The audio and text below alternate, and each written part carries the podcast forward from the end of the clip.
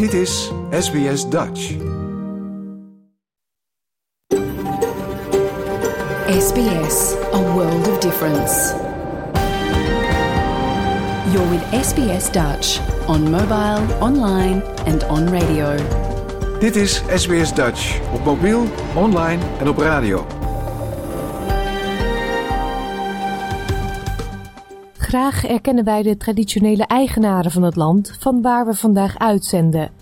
SBS Dutch betuigt daar respect aan de Camaragal mensen en hun ouderlingen uit het heden en het verleden. Ook erkennen we de traditionele eigenaren van alle Aboriginal en Torres Strait Islander landen van waar u vandaag naar ons programma luistert. Hele goede morgen. Mijn naam is Paulien Roesink. Het is woensdag 6 september 2023 en dit is SBS Dutch, het Nederlandstalige radioprogramma van SBS. Het komende uur kunt u weer genieten van verhalen uit en over de Nederlandse community in Australië. Zo praten we met choreograaf Wupje Kuindersma over haar eigen voorstelling Echoes of Van Gogh, die binnenkort in Perth zal worden opgevoerd. Dutch-Australian Adam Muit werkte zeven jaar lang aan zijn boek Klokbol.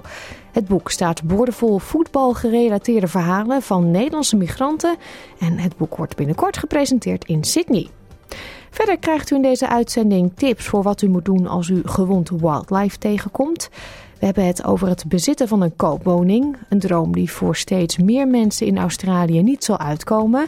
En we hebben aandacht voor wegwerpplastic, want in drie staten zijn de regels met betrekking tot plastic onlangs aangescherpt.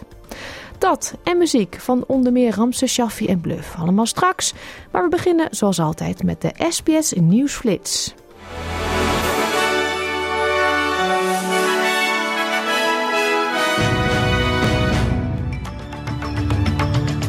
Dit is de SBS Nieuwsflits van woensdag 6 september. Mijn naam is Paulien Roesink. De federale oppositie beschuldigt de regering ervan Qantas te bevooroordelen ten koste van gewone Australiërs. De Senaat zal onderzoek doen naar de reden waarom de regering de aanvraag van Qatar Airways voor meer vluchten naar Australië heeft afgewezen. Deze beslissing die kwam Qantas ten goede. De oppositie diende een motie in om de actie te onderzoeken en die werd met slechts één stemverschil aangenomen door de Senaat. De regering van Anthony Albanese dringt aan op een formeel onderzoek naar de manier waarop Australië de COVID-19-pandemie heeft aangepakt. Verschillende staats- en territoriumregeringen deden al onderzoek naar hun eigen handelen tijdens de pandemie. Een reeks experts en pleitbezorgers deden eerder dit jaar een oproep in de media tot een federaal onderzoek. Pleitbezorgers van de Indigenous Geestelijke Gezondheidszorg vragen politici om na te denken over de gevolgen voor de geestelijke gezondheid van het Force to Parliament referendum. Een groep geestelijke gezondheidszorgorganisaties, waaronder de Australian Indigenous Psychologist Association en de Black Dog Institute, vraagt politici om een zogenaamde Respectful Referendum Pledge te ondertekenen, waarmee ze beloven om een meer menselijk en inclusief gesprek aan te moedigen. De federale oppositie beweert dat de mijnindustrie in gevaar komt als de door de regering voorgestelde hervormingen zullen worden doorgevoerd. De wetgeving voor de hervormingen, die gericht is op het beëindigen van uitbatingspraktijken, is ingediend bij het federale parlement. Oppositieleider Peter Dutton zal vandaag later in een toespraak voor de Minerals Council of Australia aangeven dat de oppositie zich tegen de wetgeving zal verzetten, onder meer vanwege dus die mogelijkheid dat het gevolgen zou hebben voor de mijnbouw.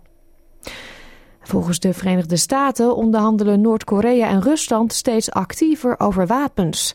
Er zijn geruchten dat de Noord-Koreaanse leider Kim Jong-un deze maand naar Rusland zou reizen voor een ontmoeting met Vladimir Poetin. Naar verluid zullen ze bespreken dat Noord-Korea wapens gaat leveren aan Rusland om tegen Oekraïne te gebruiken. Maar Rusland weigert hierop te reageren. Ondertussen beweren Russische functionarissen wel dat Oekraïne Australische drones gebruikt om Russisch grondgebied aan te vallen.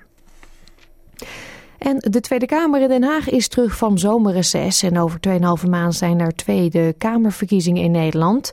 Het nieuw sociaal contract van Pieter Omtzigt komt volgens een gewogen gemiddelde van de zetelpeilingen van Ipsos en Vandaag en INO Research uit op 26 tot 32 kamerzetels. Volgens peilingwijzer zijn de VVD met 22 tot 27 zetels en GroenLinks PVDA met 22 tot 26 zetels de enige partijen die daarbij in de buurt komen. Tot zover deze nieuwsflits. Volg de SBS Dutch podcast voor meer nieuws en achtergronden of bezoek onze website www.sbs.com.au Dutch.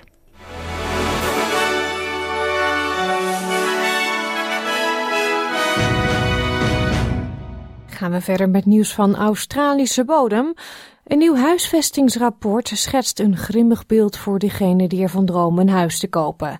De betaalbaarheid van woningen is in drie decennia namelijk nog niet zo slecht geweest.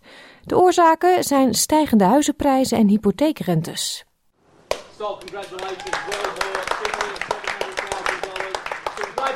De grote Australische droom van het bezitten van een huis is voor sommigen inderdaad werkelijkheid. I think you know by the time we will be in here for Christmas, so that's that sounds great. I guess you know it comes to a point where you know you, you don't find houses like this often in the market, so you got to pay the premium to get it. Maar het bezitten van een eigen woning is voor veel anderen absoluut een onvervulde droom. Zo legt senior economist bij PropTrack Paul Ryan uit. It's always been really challenging to break into the housing market, uh, but the new data released today shows that it's, it's more challenging than ever for people to afford homes.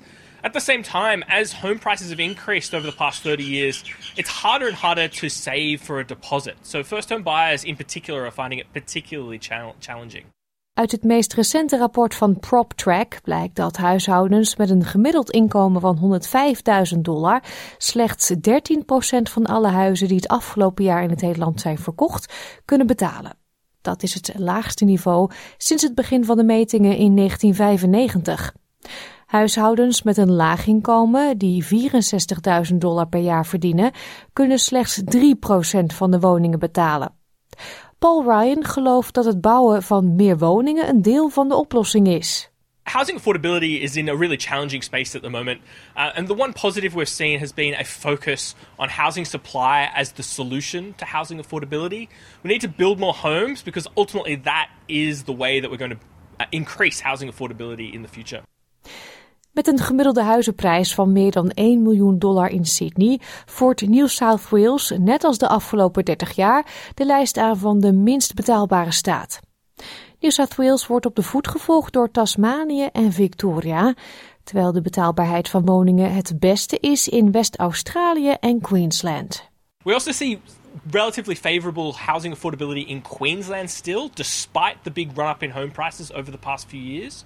So we're expecting continued strong northward uh, migration from New South Wales and Victoria into Queensland to take advantage of relative affordability in Queensland.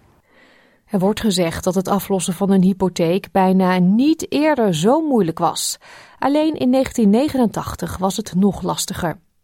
Experts noemen het onwaarschijnlijk dat starters de woningmarkt kunnen betreden als er geen aandacht wordt besteed aan woningaanbod en andere overheidsinitiatieven. Dit verhaal werd gemaakt door Catriona Stirrett en Masna Angouri voor SBS Nieuws en in het Nederlands vertaald door SBS Dutch. Iets heel anders dan. In drie Australische staten is een nieuw plasticverbod van kracht geworden, terwijl de uitfasering van wegwerpartikelen in het hele land doorgaat. We gebruiken met z'n allen in Australië elk jaar meer dan 3 ton plastic, waarvan bijna 85% bestemd is voor de vuilstort. De federale overheid schat dat er jaarlijks zo'n 130.000 ton plastic in de waterwegen terechtkomt. Shane Kukow, Plastics Campaign Manager bij de Australian Marine Conservation Society, zegt dat onze huidige plastic recyclingprogramma's slechts een klein percentage van het plastic afval opvangen. The estimates we have is that about 30% of the world's plastic is leaking out into the oceans, and that's estimated to be similar here in Australia. Uh, when you compare that to 13% being recycled, that's vastly more ending up in the oceans that is actually being recycled. So it's quite, quite concerning. De poging om wegwerpplastic in Australië te verbieden startte in 2009. Zuid-Australië schafte toen als eerste staat de dunne lichtgewicht plastic tasjes af ten gunste van dikkere herbruikbare tassen. Maar ook die verdwijnen nu langzaam. Queensland volgt het voorbeeld van West-Australië in het afschaffen van de plastic tassen ten gunste van papieren versies of duurzamere alternatieven. De minister van Milieu van Queensland, Leanne Linnard, zegt dat ze ervoor zullen zorgen dat deze alternatieven net zo bruikbaar zullen zijn voor de consument. To make sure they can be used at least 125 times, 80% recyclable content in there. And this will follow those successful prohibitions we've already seen and bans, and it's all about reducing single use plastic in our environment. De tassen moeten bij het ontwerp ook voldoen aan specifieke normen voor herbruikbaarheid. Net als bestaande plastic opties zullen consumenten voor deze tassen moeten betalen. Ebony Johnson van de National Retail Association zegt dat Australische retailers achter het voorstel staan. These changes are world first uh, and really nation leading, uh, particularly in terms of plastic shopping bags, because it really sets a new recycled content standard and a reusability standard. Rather than just banning all plastic shopping bags, we're actually looking at a circular economy here, uh, really reusing those bags rather than just swapping to another disposable option, even if it's recyclable. In Queensland en West-Australië worden losse piepschuimverpakkingen en plastic microbolletjes, die vaak voorkomen in scrubs en schoonmaakmiddelen, ook verboden. De Sunshine State gaat ook het massaal oplaten van ballonnen verbieden en Zuid-Australië zal het gebruik van plastic wegwerpbakjes en borden afschaffen. Verder zullen alle drie de staten plastic stokjes en wattenstaafjes verbieden. En ook hebben ze hun pijlen gericht op wegwerp koffiebekers en deksels, plastic fruit- en groentezakken en plastic afhaalcontainers. Zuid-Australië en Western Australia zullen als eerste in het land deze items volgend jaar geleidelijk afschaffen. Op dit moment zijn plastic bestek, roerstaafjes en rietjes, evenals piepschuimcontainers, reeds verboden in elke staat en territorium, behalve in Tasmanië en de Northern Territory. Het territorium is van plan om in 2025 een eigen verbod in te voeren. Maar Tasmanië is nog niet verder gekomen dan het aanpakken van wegwerpplastic tasjes. Shane Kukow van de Australian Marine Conservation Society zegt dat het goede eerste stappen zijn, maar dat een groot deel van het probleem nog steeds wordt omzeild. We're seeing the overall amount of plastic increase, but we're not managing to get our plastic recycling rates up. Now, one of the big re reasons for that is that we don't actually have many rules around the use of plastic packaging. We know that soft plastics, food, and beverage packaging make up over 70% of the items being found in our um, plastic items being found in our ocean cleanups. So we really need to start having some rules, not just phasing out single use plastics, but actually requiring companies to use more sustainable packaging. Dit was een bijdrage van Cat Lenders en Sam Dover voor SBS Nieuws, in het Nederlands vertaald door SBS Dutch. Echoes of Van Gogh is een nieuw ballet bedacht en geschreven door Wupje Kuindersma. De Nederlandse choreograaf verblijft nu al een paar maanden in West-Australië om de voorstelling tot leven te laten komen, want het West Australian Ballet is namelijk het gezelschap dat Echoes of Van Gogh, waarin de werken van Vincent van Gogh tot leven komen, bijna drie weken lang zal opvoeren. En dat doen ze in Perth. Hupje werkt al eerder samen met de West Australian Ballet en die samenwerking smaakte naar meer, zo vertelde ze me eerder. SBS Dutch, woensdag en zaterdag om 11 uur ochtends of online op elk gewenst tijdstip.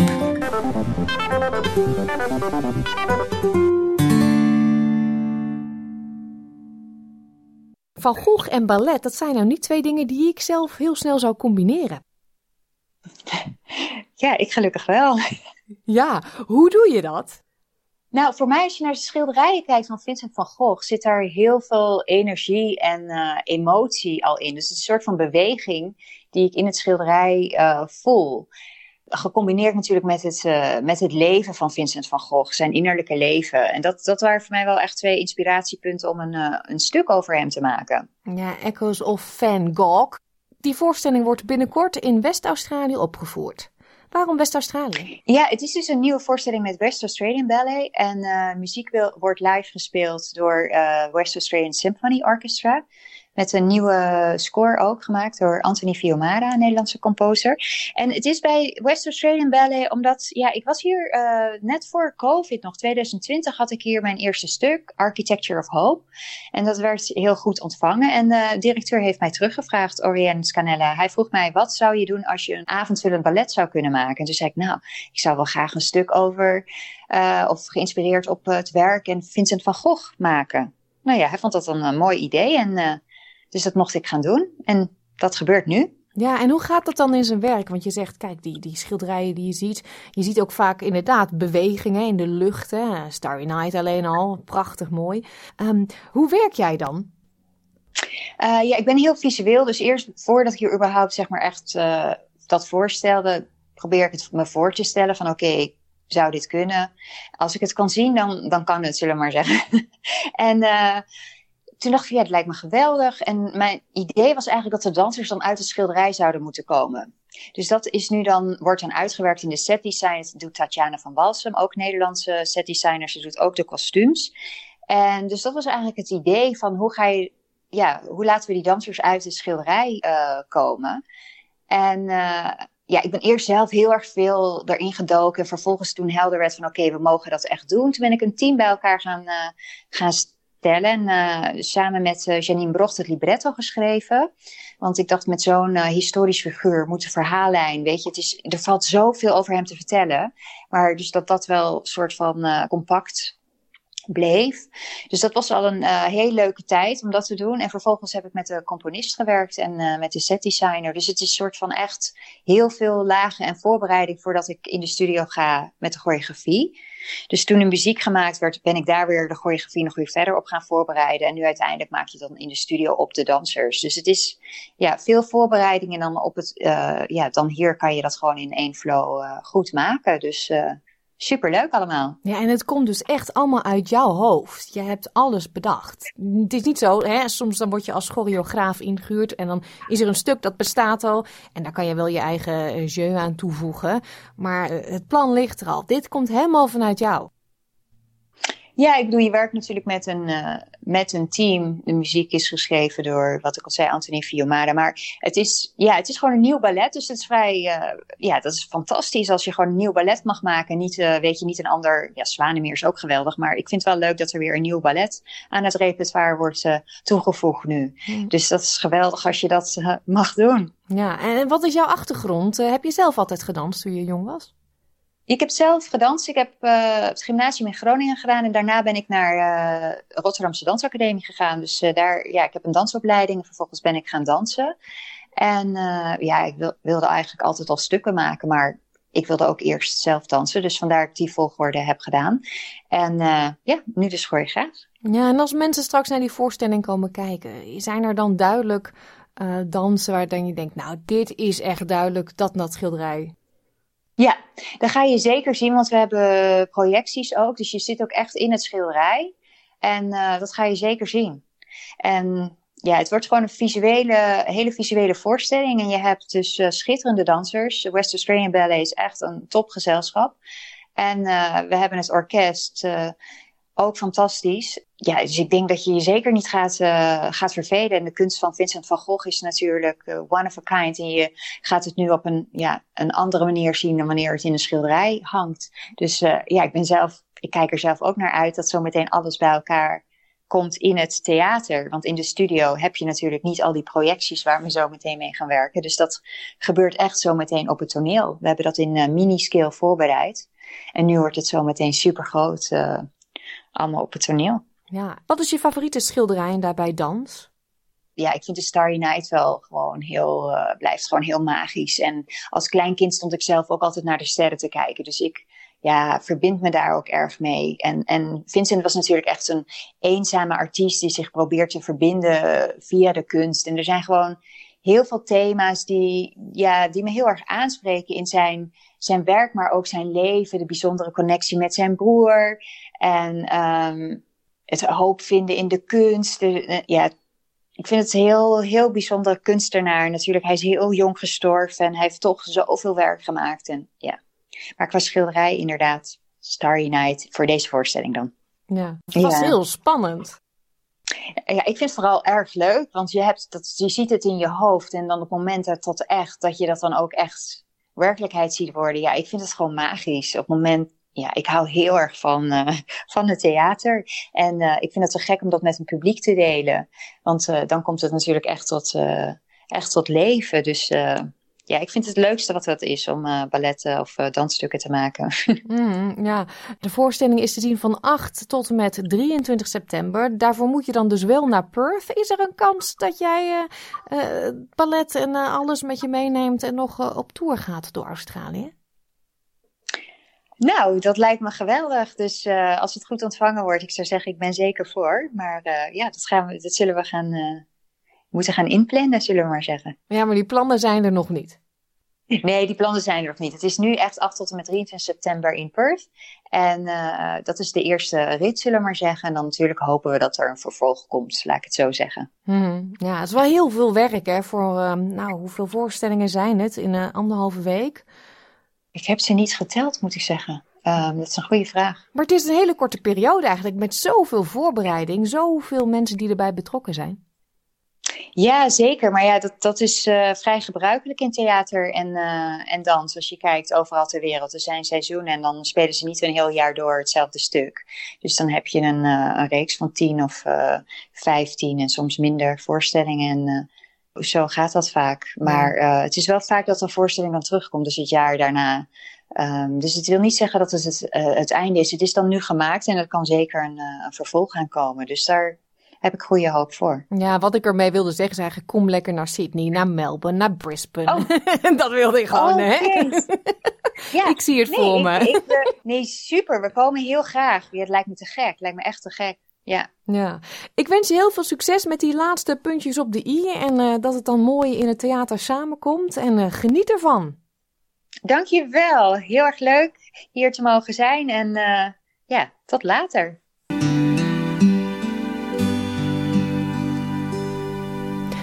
Don McLean, die u net hoorde, is natuurlijk niet Nederlands, maar deze prachtige ode aan Vincent van Gogh mocht nu natuurlijk niet ontbreken.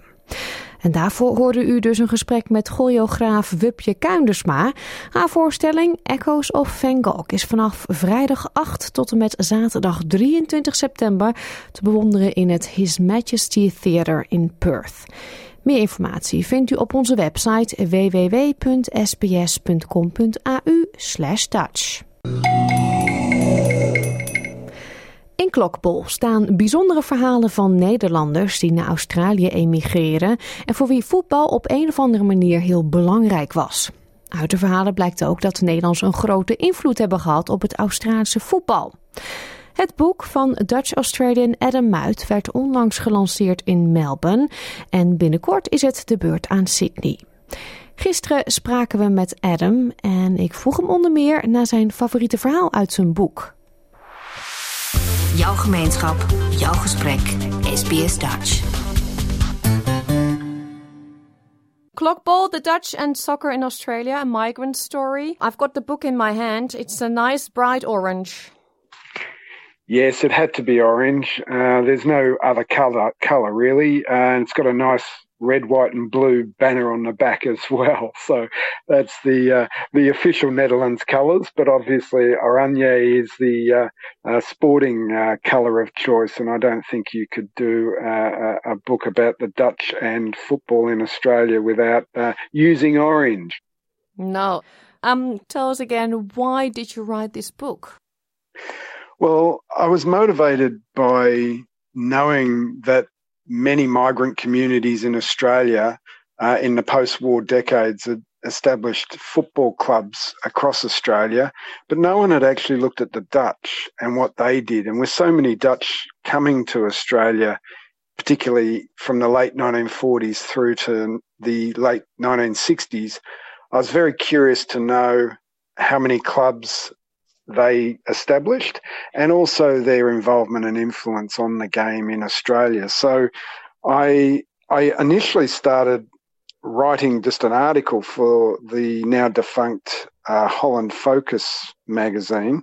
Uh, and I realized from that that there was a, a deeper story to tell. And so I started researching and ended up traveling the entire country, pulling the story together of, of the Dutch and their involvement in Australian football over the last 70 years. Yeah, like quite some time. And the book uh, for the people, it's not like a couple of pages. No, no, no. It's a big fat book, um, over 200, nearly 300 pages. Um, That is uh, quite some stories. Well, there's quite a lot of stories to tell, and um, I, have I've got a, a, around 400 pages all together, and it includes some 40 odd chapters on particular characters and personalities and clubs, um, Dutch Australian um, personalities and clubs, telling their stories. And then I've also got uh, an appendix which covers all the, the clubs that were formed, some 38 clubs, also um, clubs that the Dutch were involved with across Australia that weren't necessarily Dutch migrant football clubs, but were uh, community and district clubs with a Dutch involvement. And I've also got a profile of the, uh, well, over 50 um, Dutch migrants who played for their state or territory and the second generation. So, yes, it's a it's a, a weighty book in one sense, but um, from um, quite deliberately, I've made it quite a readable book. It's not a dry history. It involves personalities and people, and uh, I've um, hopefully captured that in a way that um, makes it uh, a very accessible book for people. Absolutely, and the chapters are not long at all, so you can just uh, read a couple and put the book away and think, "Ah, oh, I want to read some more football Dutch history stories," and then you you grab the book again. It's it's really nice. It's yeah, well done. Thank you. Uh, what is your favorite story in the book? Oh, look, there's there's many. I don't have one favourite, but I do have certain um, stories that uh, I certainly enjoyed discovering and then putting them into a, a form that um, made it readable for people. One person that stands out for me. Not many people can say that they've actually received a, a, pardon from Queen Elizabeth for their sins, but one particular football player uh, from Perth, John Van Oosten, he happens to be one of them, and that's I had no idea about this story when I began, but John, in fact, was suspended for uh, taking a swing at a referee. He he admitted that he could be a bit impulsive on the pitch at times, and he had a very very frustrating experience in one game where a referee, an Englishman called Gordon Love, was basically um, making it very difficult for John, and and John lost his temper, and he acknowledges he shouldn't have done it. And he took a swing at this referee. And he knows that you cannot do that. He accepts that he got suspended and he got suspended for life, age 28. But what happened two years later, Queen Elizabeth rolls into Perth on her Silver Jubilee Tour, and the Western Australian Soccer Federation decides to pardon every player who's ever been suspended. And so John was pardoned for his sins and was able to come back and play a couple more years on the pitch in Perth. So I rather like that story. Um, That's amazing indeed. Yes, yes. Uh, another story I found quite amusing um, was the story of Adrian Harmsen, who was actually the very first Dutchman to play representative football for Australia. So some uh, 11 Dutch born players uh, ended up playing for Australia, and, and, Adrian was the first in 1954. And um, Adrian wasn't just a talented footballer, both in Holland and in Australia. He was also a talented cricketer, and he actually played in Holland, played cricket in Holland, and as you know, cricket isn't the most popular sport in, in Holland, but anyway, Adrian was very good at cricket, and uh, he he um, came to Australia, and of course, he loved the fact that he could play cricket in Australia so easily. And one day, he was um, batting for his South Hobart club. This was in March 1954. He he scored 42 runs, then got bowled. Then he raced across town to play for Tasmania in football, scored two goals, and then returned to play cricket again in the afternoon. no way. So uh, uh, that amused me, that tale. Um, there were many other tales that I found amusing or very touching and um, very emotional. Um, yeah, certainly some of the stories were were really uh, powerful emotionally. Stories of migration and what people went through in Holland and that motivated them to come to Australia. Hmm. And also a couple of famous names in the book, like the Van Egmonds. Eh? We know all Yes. um, um, Emily, of course, who played for the Matildas during the World Cup. Her dad, Gary, uh, has an interesting story. Yes, Something with the army in the Netherlands. yes, yes. Well, um, I think he told you a few weeks ago where he um, went across to um, see if he could play football in Holland as a as a youngster. And uh, yes, he was staying in Holland, and then he got a recruitment notice uh, to serve in the Dutch army. Well, that led him to return to Australia because he wasn't going to spend any time in the Dutch army. No, he was um, joking that he's a, a, a fugitive now. That's right. That's right. yeah. It's amazing. You said you've been working on it for seven years and you've traveled around the country. You're doing that exact same thing now to um, launch the book. You've already launched it in Melbourne. It was a great success. I saw amazing pictures. A lot of people showed up. Um, how was it for you to present your baby? Look at it, it's been wonderful to be able to um, uh, see people who gave me their stories and return the stories to them. Um, so in Melbourne, yeah, there were about oh, 120 people turned up, and many of them featured in the book or had family members in the book. And so it was a delight to see uh, how happy they were to see themselves in the book and um, have their stories told or if they weren't in the book, to have um, the the recognition there of the Dutch involvement in the game uh, in Australia, and and um, they could enjoy that for what that was. Um, in Perth, unfortunately, I came down with COVID, so couldn't um, couldn't see through that launch. I had to cancel on the morning, but uh, did launch it in Hobart, and I have a, a, a, hometown in Hobart, so that was lovely to be able to have friends and colleagues uh, present, as well as a couple of Tasmanians who feature in the book there. And then I have a launch coming up in, in Sydney in a couple of weeks. Yeah, and you will return to Perth for the actual launch. Yes, I will. I'll go back in the new year uh, and do a do some sort of event over there.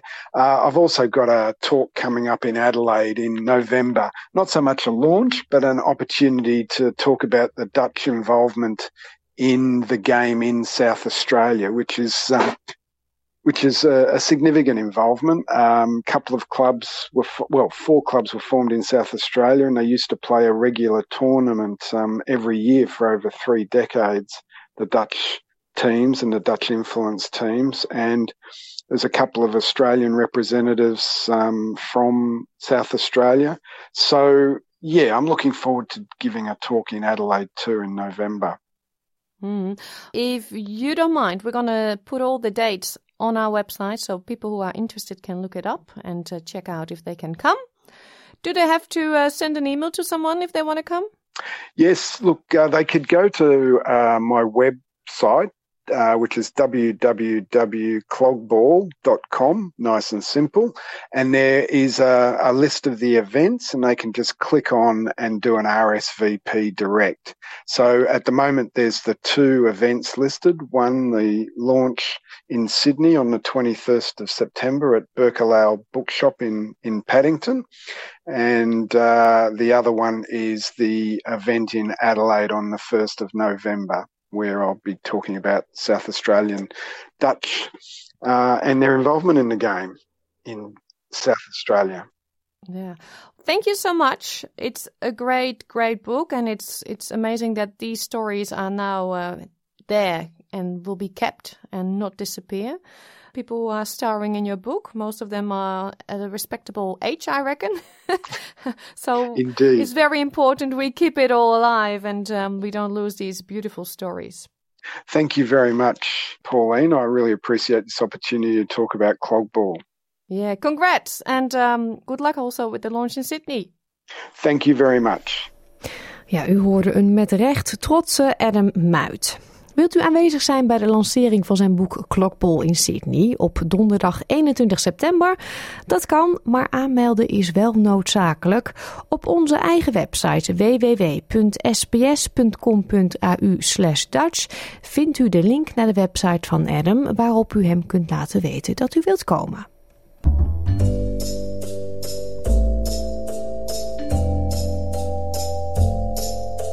Nederland is misschien niet zo groot qua oppervlakte, toch is het land opgedeeld in een twaalftal provincies.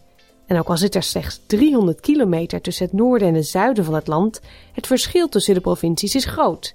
In de podcastserie De 12 provinciën leren we de Nederlandse provincies beter kennen. Dat doen we aan de hand van de verhalen en herinneringen van in Australië woonachtige Nederlanders ik woon er niet meer, maar ik, ja, het is altijd wel een goed gevoel om weer in Zeeland uh, te zijn. Een leuke middenstand met leuke winkeltjes. En toch al mooie ruime stranden, wat je in de Randstad niet hebt. Ja, dat maakt mij wel uh, een trotse zeeuw. Je moet gewoon een Brabander zijn uh, om dat te kunnen begrijpen. Het is gewoon altijd de Brabantse gezelligheid die er is. mensen die er zijn die met een zachte G praten. Carnaval is niet te evenaren natuurlijk. Ja, ik ben wel trots op Flevoland, ja. Nou ja, vooral uit eigenlijk uh, agrarische achtergrond. Dat uh, toch wel een motor is van, van Nederland, denk ik, aan uh, hoge productie voor akkerbouw en veeteelt en bloembollen. En, ja. Friesland is, het zit in je hart. Ik denk dat je trots bent om een Fries te zijn als je nou ja, mensen die wonen houden van het scootjesielen. ik zeg maar wat de Elfstedentocht, het Vierjeppen. Nou, het grootste bier is natuurlijk afkomstig uit Gelderland. Nou drink ik zelf geen bier. Ik vind het vrij goor. maar uh, ja, daar ben ik toch wel heel erg trots op. Uh, nou, ik vind dat wij uh, in Zuid-Holland hebben echt die mentaliteit van, dat, zeggen, dat noemen ze niet lullen, maar poetsen, zeg maar. We, we gaan gewoon gelijk aan de bak. We, hebben echt, we houden van werken, zeg maar. En de directheid van de mensen, dat kan ik gewoon heel erg waarderen. In Drenthe kijk je uit naar een paar dagen in het jaar waar je van je nukkigheid af mag stappen en naar de Zuilaardermarkt kan. En waar je in Assen naar de TT kan. En dat zijn echt gewoon de Drentse feestdagen. En dat snapt niemand maar een Drent. Ga voor alle afleveringen van de 12 provinciën nu naar onze website www.sbs.com.au Dutch of download de SBS Audio app. Australië is het thuis voor enkele van de meest diverse en fascinerende wildlife ter wereld. Dit komt door de unieke evolutionaire geschiedenis die zich gedurende miljoenen jaren heeft afgespeeld op dit geïsoleerde continent. En als je door Australië reist, is de kans dus ook groot dat je enkele unieke diersoorten tegenkomt, maar die zijn dan niet altijd in goede gezondheid. De dieren worden soms ziek, raken gewond door bijvoorbeeld een aanrijding of lijden door natuurrampen, zoals bosbranden of overstromingen. In deze aflevering van Australia Explained, samengesteld door Phil Tusak, hoort u wat u moet doen als u gewond of ziek wildlife tegenkomt. Dit is SBS Radio Dutch. De wildlife in Australië varieert afhankelijk van het landschap, het klimaat en de habitat. Australië kent een grote verscheidenheid aan vogels, zoogdieren, amfibieën en reptielen, waaronder zowel giftige als niet-giftige slangensoorten. In de noordelijke streken leven boomkangoeroes, krokodillen en je kan casuarissen tegenkomen. In de drogere westelijke gedeelten van het land leven emus, rode kangoeroes en prachtige woestijnvogels. En in het zuiden van het land leven possums, wombats, wallabies en glidersoorten, maar ook zeehonden en penguins. En nog verder zuidelijk op Tasmanië leven natuurlijk de Tasmaanse duivels.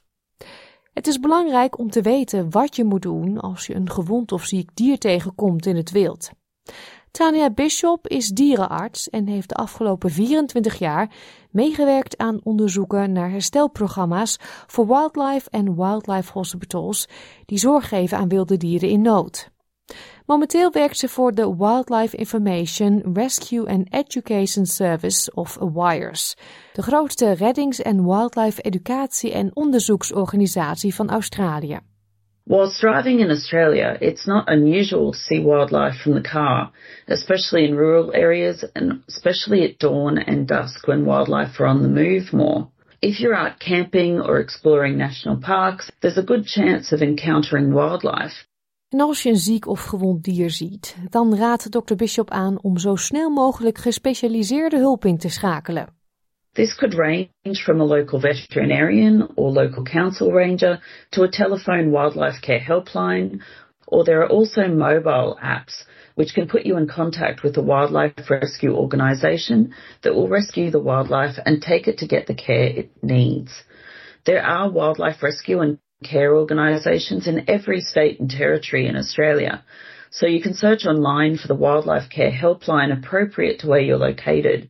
Ook is het belangrijk om aan uw eigen veiligheid en dat van anderen te denken en het dier indien mogelijk te beschermen met een handdoek. Especially if you find wildlife on the side of the road, it's always important to ensure that you park your car somewhere safe where it's easily seen and you're in a safe position. Remember that injured wildlife will be frightened and they'll try to defend themselves when they are injured. It's important to approach any wildlife as quietly and calmly as possible to reduce causing them any further stress. Als je een dood buideldier tegenkomt, zoals een kangoeroe, wallaby, wombat of possum, dan is het volgens Dr. Bishop belangrijk om, als je dat veilig kunt doen, de buidel van het dier te controleren op de aanwezigheid van een joey. Only remove a joey from the pouch if it obviously has fur. If it has no fur, it will need to be removed from the pouch by a specialized carer, as their mouths are usually sealed to the teat at that stage, and removal could cause serious harm. It's important that a joey is kept in a warm, dark environment and gets to a carer as soon as possible. Er zijn enkele algemeen verkrijgbare huishoudelijke artikelen die gemakkelijk deel kunnen uitmaken van een basis EHBO-doos voor wilde dieren. A great wildlife first aid kit would include an old thick towel that doesn't have any loose threads for claws to get tangled in, a cardboard box or pet carrier, and thick gardening gloves. And if possible, a pillow slip for any orphan joeys you may find. Gewonde wilde dieren moeten zo snel mogelijk door een dierenarts worden onderzocht. Volgens de wet mogen alleen erkende en opgeleide dierenverzorgers en dierenartsen voor Australische wilde dieren zorgen, vanwege de complexe behoeften van deze dieren. They are assessed to see if there's a good chance that with specialized rehabilitation and care that they have a good chance of returning to the wild. Once a veterinarian has treated and stabilized injured wildlife, they return to specialized carers that care for them from anywhere for a few weeks to a year or more for some species. Morgan Philpott is een wildlife carer bij Wires en helpt al meer dan 10 jaar bij de verzorging van gewonde en zieke wilde dieren. Hij heeft speciale interesse in de verzorging en rehabilitatie van koala's. Morgan legt uit wat er gebeurt als iemand de Wildlife Rescue Service belt. We as carers on our phones we'll get a, a message notifying us of, of the rescue. And if we are able to attend, then we will hit the attend button and then we'll get more details sent from head office via our, our app. And then generally we will make contact with the member of public and get more details and take it from there. These animals, particularly koalas and the more complex animals, really need to get to vets very quickly for assessment. Beslissingen over verdere behandeling van wildlife worden genomen in samenwerking met dierenartsen. Over het hele land zijn de wetten voor wildlife carers iets verschillend, maar over het algemeen zullen de dierenverzorgers het dier rehabiliteren en verzorgen en voorbereiden op een terugkeer in de natuur. Dit betekent dat het dier wordt vrijgelaten zodra is vastgesteld dat het over de noodzakelijke conditie en vaardigheid beschikt om in het wild te overleven.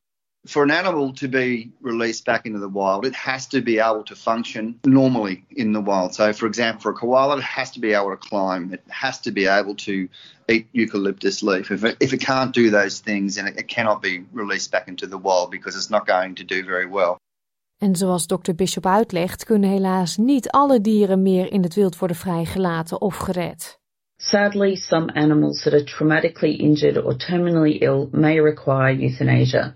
However, for those we can help, wildlife rehabilitation work is inspiring and incredibly rewarding in terms of the difference we can make. Morgan Philpott, die zeer gepassioneerd is over het helpen van de unieke native wildlife van Australië, bevestigt dit. The reason that we keep doing it is an overwhelming passion for Australian native animals. And once you've released one of these animals back into its natural habitat, that's the prize. You know, that's the that's the gift that we get for ourselves at the end. And obviously, the animal gets its freedom back. But for me, there's nothing better. Dus kom je gewond of ziek wildlife tegen, dan herinnert dokter Bishop u eraan om ervoor te zorgen dat u zelf veilig bent en blijft en dat u dan contact op moet nemen met een Wildlife Rescue Service. Australia is home to some of the most beautiful wildlife, but also some quite dangerous wildlife species. So if you're ever in any doubt of the identification of wildlife you come across or how to safely handle it, it is best to call, give the location, and wait for expert help.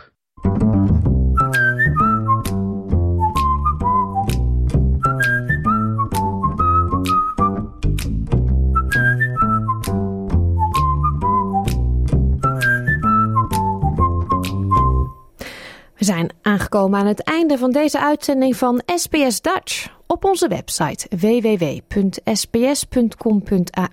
Dutch kunt u deze uitzending en al onze andere verhalen en podcastseries terugluisteren. Denk aan series als Het verliezen van je Nederlanderschap, Aan tafel en Australië tot nu toe.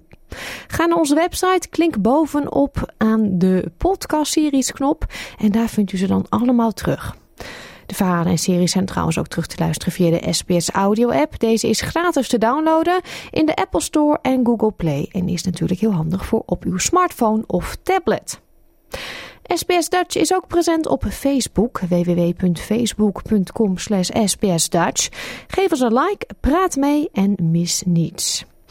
We eindigen vandaag met een hele bijzondere live-uitvoering van Dansen aan Zee van de Zeeuwse band Bluff, samen met de Portugese fado-zangeres Cristiana Branco. Ik wens u een hele fijne middag, graag tot zaterdag en dag! Wil je nog meer soortgelijke verhalen? Luister via Apple Podcasts, Google Podcasts, Spotify of waar je je podcasts dan ook vandaan haalt.